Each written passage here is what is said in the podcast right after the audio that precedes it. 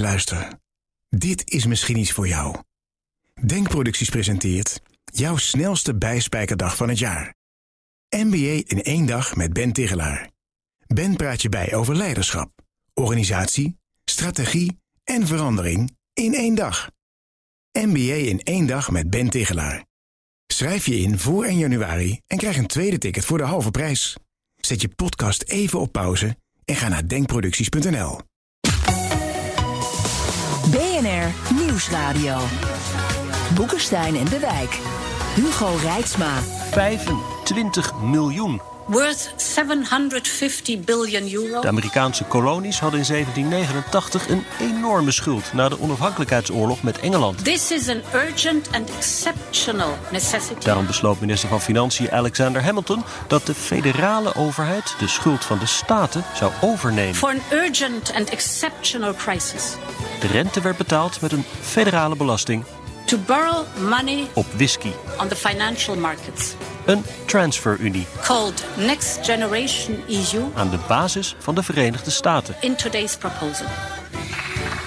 Daarom spreken sommigen bij het noodpakket dat de Europese Commissie woensdag presenteerde van een Hamilton-moment voor Europa. Welkom bij Boekenstein en de Wijk, op zoek naar de nieuwe wereldorde. Met Arend Boekenstein en Rob de Wijk. En onze gast is als hoogleraar aan de Rijksuniversiteit Groningen... en oud-directeur van de Nederlandse Bank... bij uitstek deskundig in technische dingen met schuld en de gevolgen daarvan. Welkom, Lex Hoogduin. Dank u wel. Meneer Hoogduin, vond u achteraf bezien de Amerikaanse schuldmutualisatie van 1789 een goed idee? Uh, nou, dat is in eerste instantie helemaal niet zo, uh, niet zo goed uh, gelopen. Oh. Omdat men uh, heeft weliswaar in eerste instantie de schulden geconsolideerd. Maar de verschillende staten de mogelijkheid blijven houden, laten houden om zelf te lenen. En daar zijn ze vervolgens vrolijk mee, mee doorgegaan. De, totdat het zo de spuigaten uitliep dat men in 1840, als ik het uit mijn hoofd goed zeg, heeft besloten om die mogelijkheid de staten te ontnemen. Dus uh, als, als men het pakket van Europa nu met Hamilton wil vergelijken, dan zou ik zeggen, nou kijk nog eens eventjes goed naar de Amerikaanse uh, geschiedenis. Uh, en, en, zie dat je, als je echt zo'n Hamiltonian moment zou willen hebben, dat we dan ook zouden moeten besluiten dat individuele nationale staten vanaf nu gewoon geen toegang meer hebben tot de kapitaalmarkt. Ah.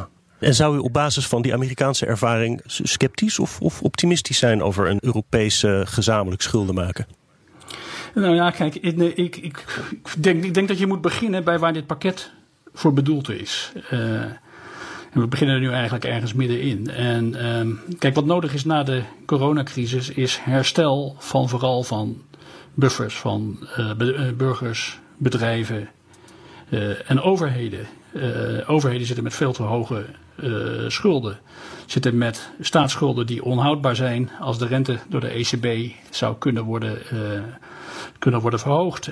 En dat betekent dat de, ja, ook de houdbaarheid van de euro met de, met de houdbaarheid van staatsschulden uh, op het spel staat. En wat je dus zou moeten doen is een herstelprogramma om de euro weer houdbaar te maken, die schulden onder controle te krijgen. En dat is niet wat we nu voorgeschoteld krijgen van de, van de Europese Commissie.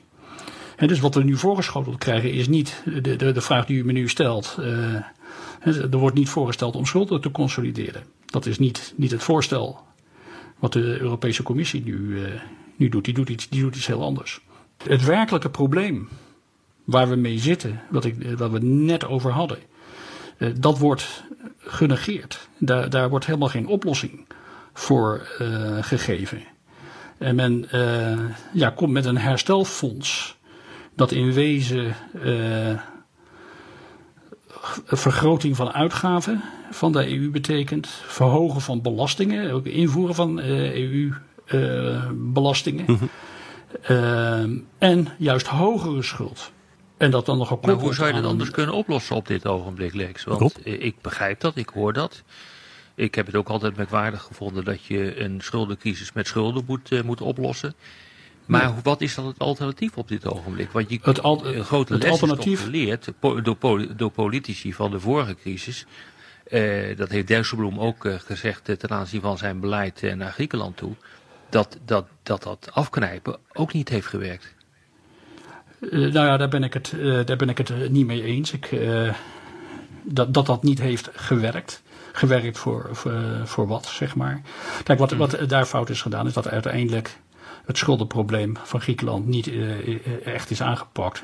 het, het, blikje is verder geschopt en nu wordt er voor Griekenland een schuld van 200% BBP uh, volgend jaar. Nee, ik denk dat wat we, uh, de, de, de, onontkoombare conclusie is dat wil je de, de euro houdbaar maken, dat er niet te ontkomen valt om gewoon ja, opnieuw te gaan kijken met elkaar naar wat nou eigenlijk de afspraken zijn die je met elkaar wilt uh, maken. Kortom, een, eigenlijk uh, op weg naar een nieuw, uh, een nieuw verdrag. Dat is de enige. Is maar de wat betekent oplossing. dat dan concreet? We hebben een, we hebben een geweldig probleem. Ehm, dat leidt ertoe dat er meer schulden komen. Maar wat is Ja. dan het, het concrete voorstel dat je zou willen doen? Nou, kijk, kijk laat, me, laat me eerst zeggen dat eh, wat, wat nu wordt voorgesteld, pakt dat probleem niet aan. Dus dan laten we daar eerst mee beginnen. Eh, eerst dat vaststellen. Dat wat nu wordt voorgesteld, doet op geen enkele manier, eh, brengt het een oplossing dichterbij van dit schuldenvraagstuk. En daarmee van de houdbaarheid van de euro, daarmee van het eh, uit de val van Nee, voortdurend lage rente en voortdurend staatsobligaties moeten opkopen. Een alternatieve eh, aanpak is dat je eh, met elkaar afspreekt. Kijk, je kunt, laat ik het zo zeggen, je kunt schulden eh, kun je op vijf manieren onder controle brengen, houden. De eerste is dat je eruit groeit. Maar dat is geen, dat is geen instrument, dat is hoogstens een uitkomst van eh, goed beleid. Dat, de, dat is de enige, en dat is, dit is de enige manier om het, het eh, bijna op een pijnloze manier te doen. Dat is waarop nu de Europese Commissie impliciet gokt door te denken dat ze door dit programma de groei eh, aanzwengelt en dat daardoor dat schuldprobleem vanzelf wegneemt. Dat noem ik baron van Münchhausen-economie, dat noem ik voodoo economics. Dat eh, is een sprookje, dat, dat is een illusie dat dat, eh, dat, dat kan dat dat kan werken. Dan heb je vier mogelijkheden over. De eerste is in feite wat, nu, wat nu gebeurt. Dat is financiële repressie. Dat is de rente kunstmatig laag houden. En dan is iedere schuld in feite, eh, feite houdbaar. Alleen dat is een, een beleid dat hele grote eh, bijwerkingen heeft. En de ECB in feite de mogelijkheid ontneemt om ooit, als het nodig zou zijn, de rente te verhogen. Dus de ECB is, eh, is niet meer in staat om het doel waarvoor die is, prijsstabiliteit te handhaven, om dat te doen op het moment dat het daarvoor nodig is de rente te, eh, te verhogen. Dus dat is een heel, we zitten met een gemankeerde Europese centrale bank. Eh, en dus, dus moeten we. eh, die, en die houdt nu die schulden onder controle. Nou, dat is niet houdbaar om dat op deze manier te blijven doen. Dus moet je naar, dan heb je nog twee andere mogelijkheden om dat, eh, om dat te doen. De ene is bezuinigen. Eh, austerity, om het mooie woord te gebruiken. En de andere, de- de andere is dat je, dat je schulden herstructureert. Schuine streep, kwijtscheld. En ik denk dat er niet te ontkomen is aan een pakket waarin die twee op evenwichtige manier met elkaar eh, in verband worden, eh, worden, worden gebracht. En in welke mate je dat wat, wat dat doet, dat is, eh, dat is natuurlijk, ja, dat is, dat is voor een deel ook een, een politieke vraag. Ja. Even een, een klein stapje terug misschien. Arjan, gezamenlijke schuld en Europese belasting zou voor, voor de EU een hele grote stap zijn. Zou jij dat in principe een goede stap vinden? Nou kijk, het probleem is natuurlijk van ehm, hoe kom je weer van die schulden af? Hè? En, en de enige manier om het, om het te zo. Je kan, kan, je kan wel vormen van schuldendeling doen. Maar dan zou het ook zo moeten zijn dat de nationale regeringen niet meer een eigen begrotingspolitiek eh, kunnen voeren. Dan zou je dus ook echt moeten bezuinigen in landen waar de staatsschuld veel te hoog is. En dat gebeurt niet. En dat gebeurt. En het tweede is ook de verdiencapaciteit van een land als Italië moet natuurlijk worden verhoogd. En dat vereist economische hervormingen. En als je nou naar dit pakket kijkt van de Europese Commissie, dan vind ik de, de passages die gaan over hervormingen, die zijn niet erg voorwaardelijk geformuleerd. Het, is, heel grappig, er is iets heel raars gebeurd. Daar wees eh, ehm, eh, mijn grote compagnon Rob de, Wijk gisteravond al op. Van de, het verslag in de NRC en in de Volkskrant van dit, van dit eh, ra- rapport, hè, van dit voorstel, dat klopt niet. Want daar wordt, daar, daar, ja, dan staat er dus in van je moet projecten indienen. En als je dan economische hervorming hebt doorgevoerd, dan krijg je uh, blokkeltje, een stukje per tranche krijg je dan Geen wat geld. leningen. Terwijl ik heb het nou helemaal gelezen, maar die, die conditionaliteit die, die staat er helemaal niet in. Het is veel vager geformuleerd. Dus met andere woorden, wat Nederland nu zou moeten doen. Kijk, het krachtenveld is nu heel belangrijk. Hè? Denemarken valt er al bijna uit. En Oostenrijk is ook onduidelijk wat dat zal gaan doen. Ik denk dat Nederland terug moet gaan naar Duitsland. En dan in ieder geval de voorwaardelijkheid in dit plan uh, moet verhogen. Nederland is een van de dit, felste tegenstanders. Hè, dit, maar dit, dit, is nog steeds pappen en nat houden. Want we zijn nu tijdens de discussie zijn we, zijn we verschoven van, van een schuldendelings, een formele schuldendeling. En dat is in feite uh, gaan naar een budgettaire unie. Uh, en daar moet uh, aan gekoppeld zitten ook een politieke uh, poot. Anders ja. heb je een groot democratisch gat. Naar wat hier nu feitelijk wordt voorgesteld. En de, wat hier wordt voorgesteld. En zelfs de voorwaardelijkheid die daarin zit. Heeft niets te maken. Er is geen enkel, enkele voorwaardelijkheid. Voor zover ik heb kunnen zien. Met betrekking tot je schuld in een voldoende tempo terug, uh, terug te brengen. En als we gewoon kijken naar het uh, verdrag van Maastricht, dan hebben we, of het EU-verdrag moet ik nu zeggen, dan hebben we in dat EU-verdrag hebben we uh, met elkaar afgesproken in het Stabiliteits- en Groeipact, dat als jouw schuld boven de 60 is, dat je die in 20 jaar terugbrengt naar onder de 60. Dat is, dat, is, dat is de afspraak die we met elkaar hebben. Nu hebben we in het kader van de uh, coronacrisis, hebben we terecht, hebben we die normen even opgeschort. Maar ze bestaan nog steeds wel. Dus als je het hebt over een herstelprogramma, dan zou juist een van de kernen moeten zijn van hoe herstel je, hoe ga je weer terug naar die normen. Als blijkt dat dat niet kan, en ik denk dat dat uitgesloten is, dat Italië en een groot rijtje andere landen een, een redelijk programma zouden kunnen maken waarin je in 20 jaar teruggaat van het schuldniveau waar ze nu zitten tot onder de 60, dan is er maar één eh, conclusie uh, mogelijk. Dan moet je of iets aan die uh, normen gaan doen, met elkaar gaan afspreken. Maar veel beter natuurlijk is dat je dan ook maatregelen gaat nemen om in ieder geval die, die schuld uh, houdbaar te maken. En dat betekent dat je een wijziging van het verdrag nodig hebt. En dat is niet wat hier wordt voorgesteld, omdat dit hele nee. pakket Eén wordt helemaal niet opgehangen Lex? aan het schuldenprobleem. Het is een EU-pakket. Het is niet een euro-area-pakket. Uh, dus dat is, uh, dat, dat is, uh, dat, dat, is niet, niet goed. Maar de voorwaardelijkheid die er wel in zit, zeg maar, dat is voorwaardelijkheid dat je bijvoorbeeld moet aantonen dat de uitgaven die je doet te goede komen aan digitalisering en te goede komen aan de, de, de Green Deal. Dat, soort voorwaardelijkheid zit erin. Dat soort voorwaardelijkheid zit erin. Maar niet, uh, maar, maar niet het dat, dat, dat het je schuldenprogramma het, moet zijn. Hoe, kom, hoe komt het, Lex, dat iemand als Schäuble, die jouw uh, monetaire opvattingen deelt, denk ik, hè, dat hij zich gewoon hier achter schaart? Zelfs achter het Frans-Duitse plan, dat nog frivoler is. Ik, ik, denk, ik denk dat het gebrek aan politiek leiderschap in Duitsland is. Dat men nu nog steeds niet echt durft het wezenlijke probleem aan te pakken. Dat men geen. Dit is een, een politiek programma uh, in mijn ogen. de, economisch is het. Ja, misschien gaat het een beetje te ver te zeggen, slaat het als een tang op een varken als een uh, herstelprogramma. In ieder geval niet een herstelprogramma van buffers en houdbaarheid van de, uh, van de euro. Maar, maar men probeert op die manier ja, toch de lieve vrede te bewaren. En uh, nou, vertrouwt op de ECB Kijk, om, het, om het blikje verder te, uh, nee, verder te de politiek is er ook gezegd dat er niet gaat bezuinigd worden. Dat is het hele punt. En er wordt voortdurend ook door Wopke Hoekstra uh, geroepen van we gaan niet bezuinigen. we hebben een, een, les geleerd bij de vorige, vorige crisis. We gaan niet nee, bezuinigen. Ho, ho, ho, dus ho, ho. Nee, maar dat is niet waar. Wat je zegt is gewoon niet waar. Wat Wopke Hoekstra, en hij heeft het gisteren ook in het Kamerdebat weer uh, gezegd, is we gaan niet nu bezuinigen. Exact. En daar heeft hij natuurlijk voorkomen gelijk in. Er is geen één ja. econoom die ik ken die zegt dat je nu in deze fase van de coronacrisis moet gaan bezuinigen. Maar we hebben het hier over een herstelpakket. Op. Dus de schulden. We hebben het op. Ja, zeker. Maar we hebben het nu over een herstelpakket. En dat is een ander punt. Herstel ga je doen.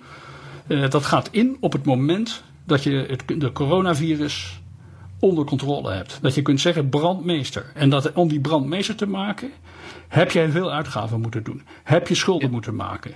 Ja. En dan gaan we de herstelfase in en dan moet je je buffers weer herstellen. En daarvan heeft Wopke Hoekstra gisteren nog in de Kamer zeer verstandig gezegd dat natuurlijk op enig moment die buffers hersteld moeten gaan worden. En dat je het kunt hebben over het tempo.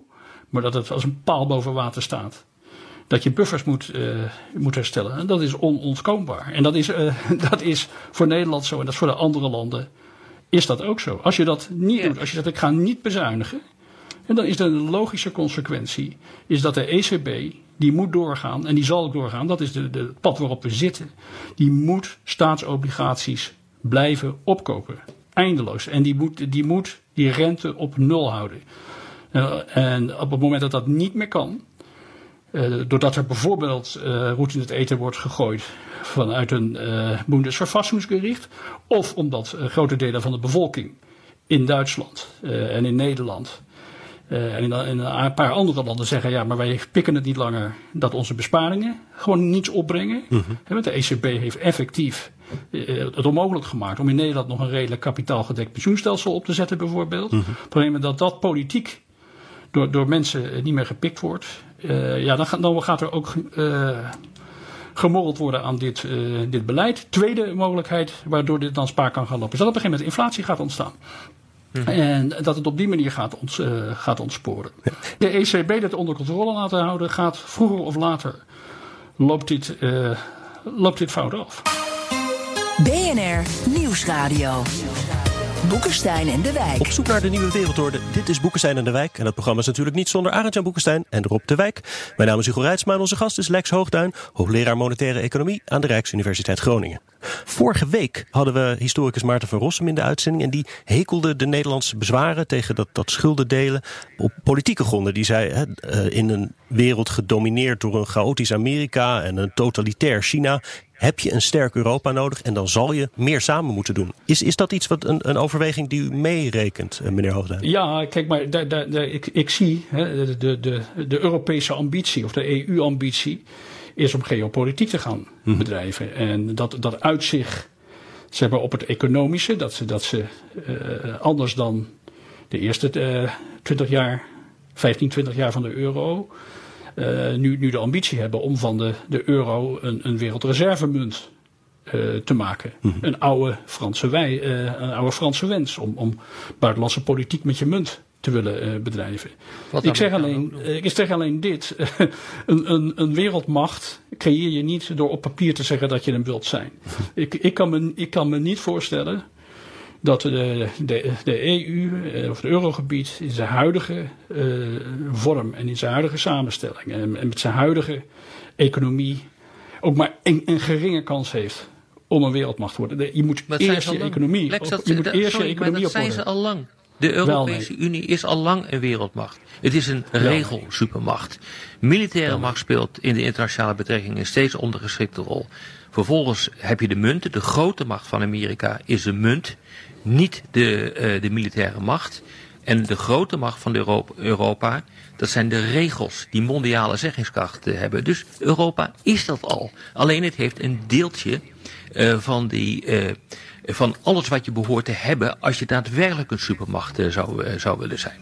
En daar hoort bijvoorbeeld meer politieke eenheid bij. Nou, als ik dus dit plan goed lees, dan stuurt inderdaad de commissie daarop aan om die die grotere politieke eenheid te krijgen.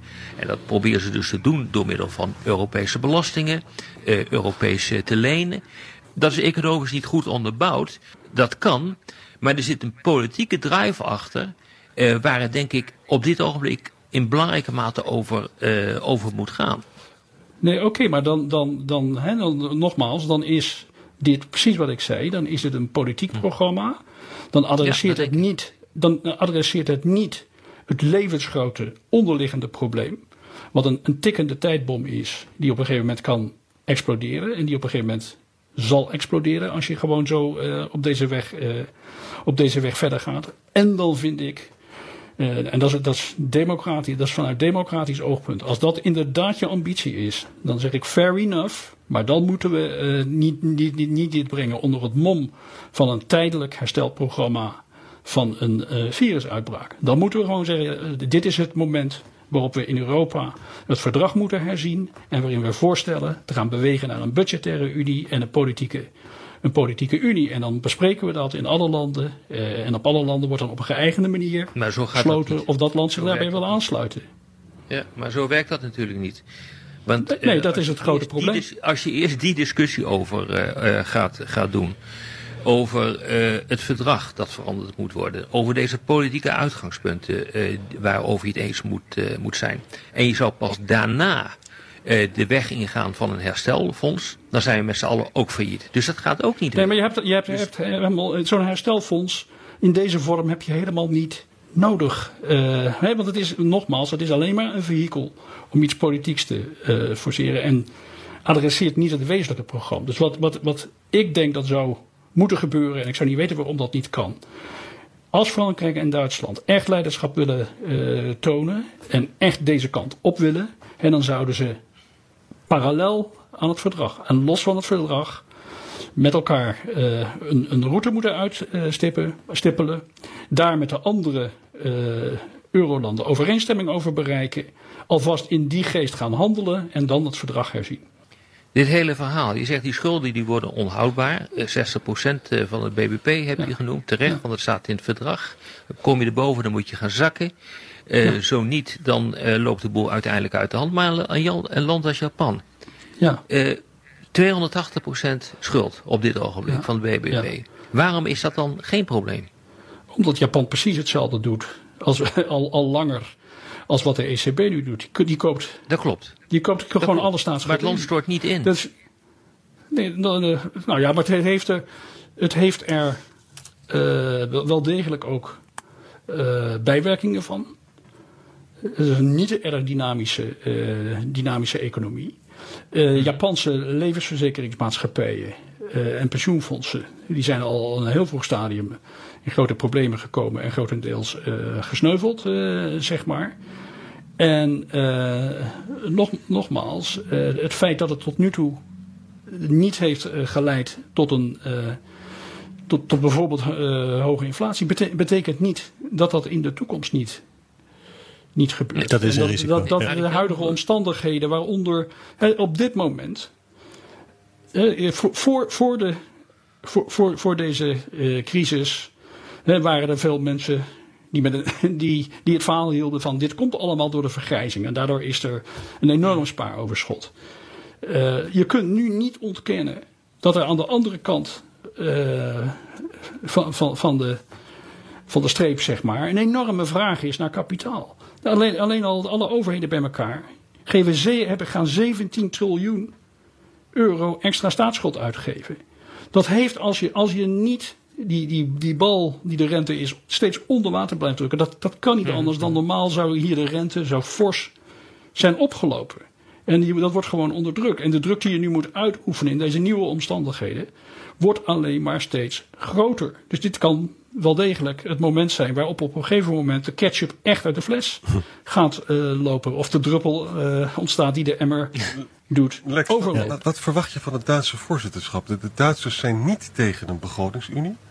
Ze willen ook aan een kapitaalmarktenunie en ze willen de bankenunie eindelijk afmaken. Ja. Omdat er natuurlijk heel veel... Maar het probleem is dan, dat het herstelplan is dus politiek. Maar het Ja. kan dus zijn dat, dat de Duitsers met verregaande voorstellen komen in het komend half jaar. Ja, kijk, kijk ik, ik, kijk, ik kijk hier analytisch naar. En uh, wat, wat, ik, wat ik je zeg, ik, wat ik verwacht is inderdaad dat, uh, hè, dat we gewoon voort modderen. En dat er, uh, ja, dat er sterke druk zal zijn om op Nederland om met die verdergaande stappen mee te gaan. ik denk op zichzelf, zeg maar, eisen dat een deel geleend moet worden. Dat is contraproductief, want dat maakt de schulden van Italië alleen maar groter. Dus de, dat, dat, dat, dat helpt niet. Dat is eerder de andere kant op. Ik denk dat uh, uiteindelijk. De, want dit, moet allemaal met unanimiteit gebeuren.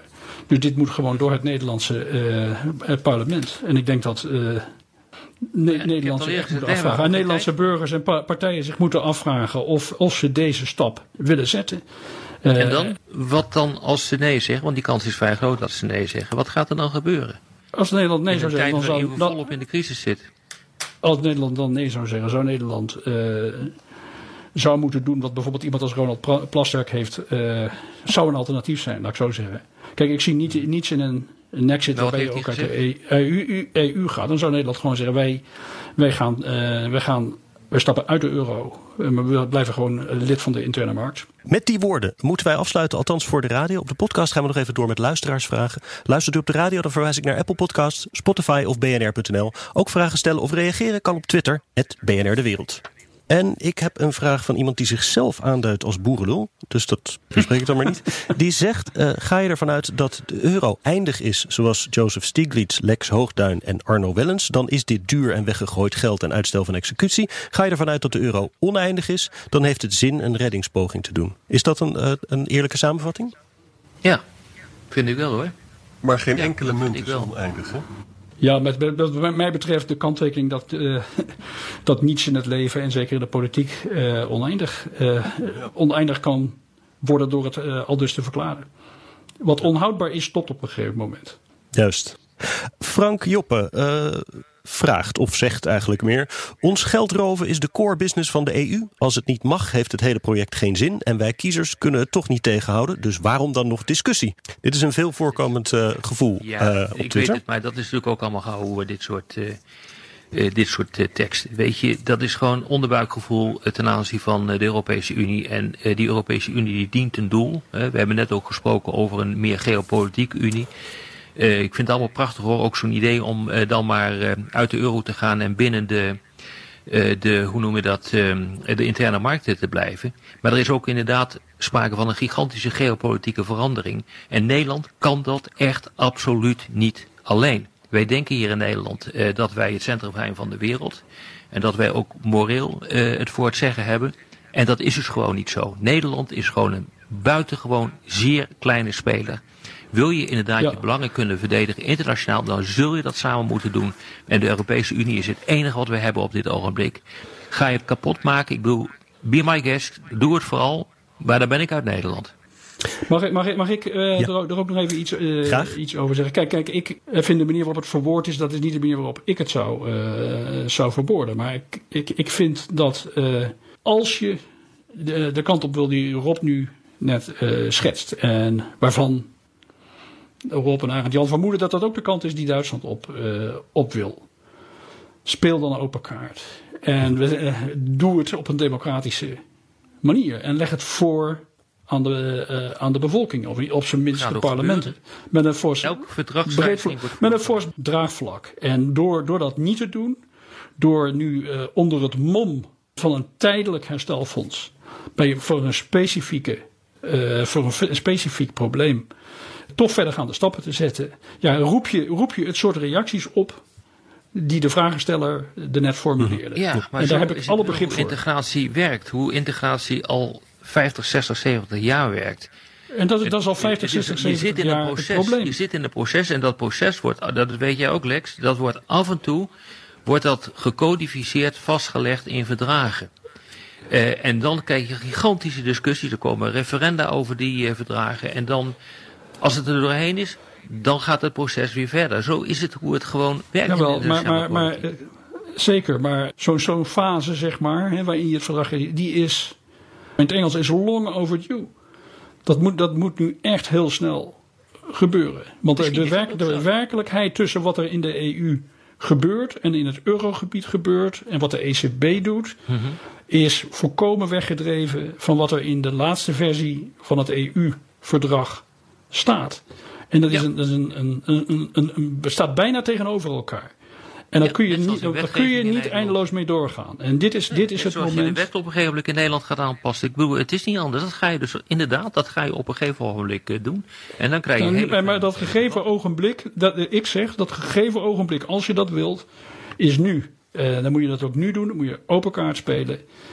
En niet weer een blikje, een, blikje, een blikje weg. Een blikje uh, verderop uh, hm. schoppen en het onderliggende, onderliggende tijdbom ook niet eens daarmee demonteren. Nou, dat gaat wel uh, gebeuren, die, maar nu niet. Omdat nee, je nu, nee, nu niet, maar, maar wat, wat, moet, wat moet worden opgelost? Dus je gaat eerst de acute problemen oplossen. Dan kijk je gewoon welke kant dat, uh, dat nee, maar het acute probleem los je niet op. Je lost nou ja, het, het acute probleem jou, is dat ja. je een onhoudbare schulden hebt. Dat is het acute ja, probleem. Nou ja, dat is een heldere. Het acute probleem. Ja, Helder. Wij gaan door naar de vraag van Marco Smit, namelijk waarom heeft Italië toch zo moeite met de Noord-Europese eis om te hervormen als voorwaarde voor meer steun? Ik denk dat, kijk, ik, Italië uh, heeft een levensgroot probleem. Het kan al twintig jaar uh, kan het niet floreren in het eurogebied. Mm En uh, of dat nou het gevolg is van dat ze zaken niet willen of niet kunnen, doet er eigenlijk niet zoveel toe. Hm. ze hebben een groot probleem, ze kunnen al twintig jaar niet mee. En dat is een groot probleem voor de eerste plaats de Italianen zelf natuurlijk. Maar in de tweede plaats is het ook ons probleem, omdat wij met een tikkende tijdbom voor, het, uh, voor, de, hele, voor de hele euro zitten. Waar, waarom ze het niet kunnen? Uh, ik denk dat ze het niet kunnen, dat het uh, onvermogen is, dat het geen onwil is, maar dat het wezenlijke, het echte probleem van Italië is zwak bestuur. Hm. Zwak, zwak bestuur. En zij kunnen, zij kunnen dit niet bestuurlijk van de grond krijgen. Dus het, het is een een land dat, dat zelf onvoldoende ja, bestuurlijke kracht heeft om dit, uh, om dit te doen, is mijn diagnose. En dat uit zich in zaken als nou, zwakke belastingmoraal, corruptie, noem, grote Noord-Zuid tegenstelling. Noem de alle bekende problemen maar op. Die, ja. die, iedere Italiaan je ook kan, kan uitleggen. En ik denk dat dat het punt is. maar tegelijkertijd is het zo dat de verwevenheid van Italië met bijvoorbeeld Duitsland heel groot is. Trouwens ook de culturele verwevenheid. Volkswagen bijvoorbeeld, hè, er komen wel honderd onderdelen worden gemaakt in Noord-Italië. Ja. Waar trouwens hard, hard gewerkt wordt. Kijk, een van de redenen waarom de Duitsers deze draai hebben gemaakt... is ook gewoon het besef dat als Italië eruit zou vallen... dat dan ook de Duitse export naar Italië en import in, gevaar zou komen. En ik denk dus dat jouw voorstel dat je dus nu net deed... van nou, we moeten er misschien ons, ons eentje er wel uit... Ja, dat, is nogal een dramatische breuken. Het kan best zijn dat, dit, dat het herstelplan dat nu ligt geen oplossing is voor de schuldenproblematiek. Maar in ons eentje eruit gaat, heeft ook zijn eigen dynamiek. Met grote en hoge kosten. Nou ja, ik, kijk, als het, als het uit de euro stappen en in wezen een gewone positie nemen aan la Denemarken of Zweden is, vraag ik, eh, vraag ik het me af uh, of dat zo is. Ja, waarom zou dat hele hoge kosten op zichzelf moeten hebben? En ten tweede, je moet het afwegen tegen welk pad je opgaat. Wat voor soort, wat voor soort EU, wat voor soort eurogebied gaan we nu heen? Want een ander onderdeel van het programma is industriebeleid. Er moet industriebeleid gevoerd gaan, uh, gaan worden. Dat, dat, dat is ja, niet wat Nederland traditioneel, laat ik het even voorzichtig zeggen, een, een goed regime vindt. Nederland is veel meer een land dat echt, echt voor, voor vrijhandel is. En ook ruimte wil laten aan zeg maar, de marktsector. Om zelf met innovaties te komen. En zelf met oplossingen te komen. Hier wordt. Ja, hier worden de grondslagen gelegd voor een Frans, uh, een Frans centralistisch industriebeleid. Een Fort een Fort nou, Europa. En de kosten daarvan, met, met eventueel hogere inflatie en financiële instabiliteit, die moet je afwegen tegen, tegen de mogelijkheid om daar in ieder geval de kosten daarvan voor een deel niet te hoeven dragen. Ja, ik vind het wel echt heel erg economisch theoretisch. Er is ook zo, zoiets als geopolitiek. We hebben te maken met de opkomst van een staatskapitalistisch land, een autocratie genaamd eh, China, die een volstrekt andere manier van eh, kijken heeft op eh, economie. Economie is daar politiek. Ik ben er echt van overtuigd dat het grote gevolgen heeft voor de Europese Unie en de wijze, ook waarop wij, waarop wij gedwongen worden, ook bijvoorbeeld industriepolitiek te gaan vormgeven. Doen we dat niet, dan zijn we gewoon out of business op een gegeven ogenblik. Dus we zullen ons moeten aanpassen, linksom of rechtsom. Ja. En, eh, dat nou, daar ben ik, daar ben ik het de principale. Is... ben, daar ben ik het principale mee oneens.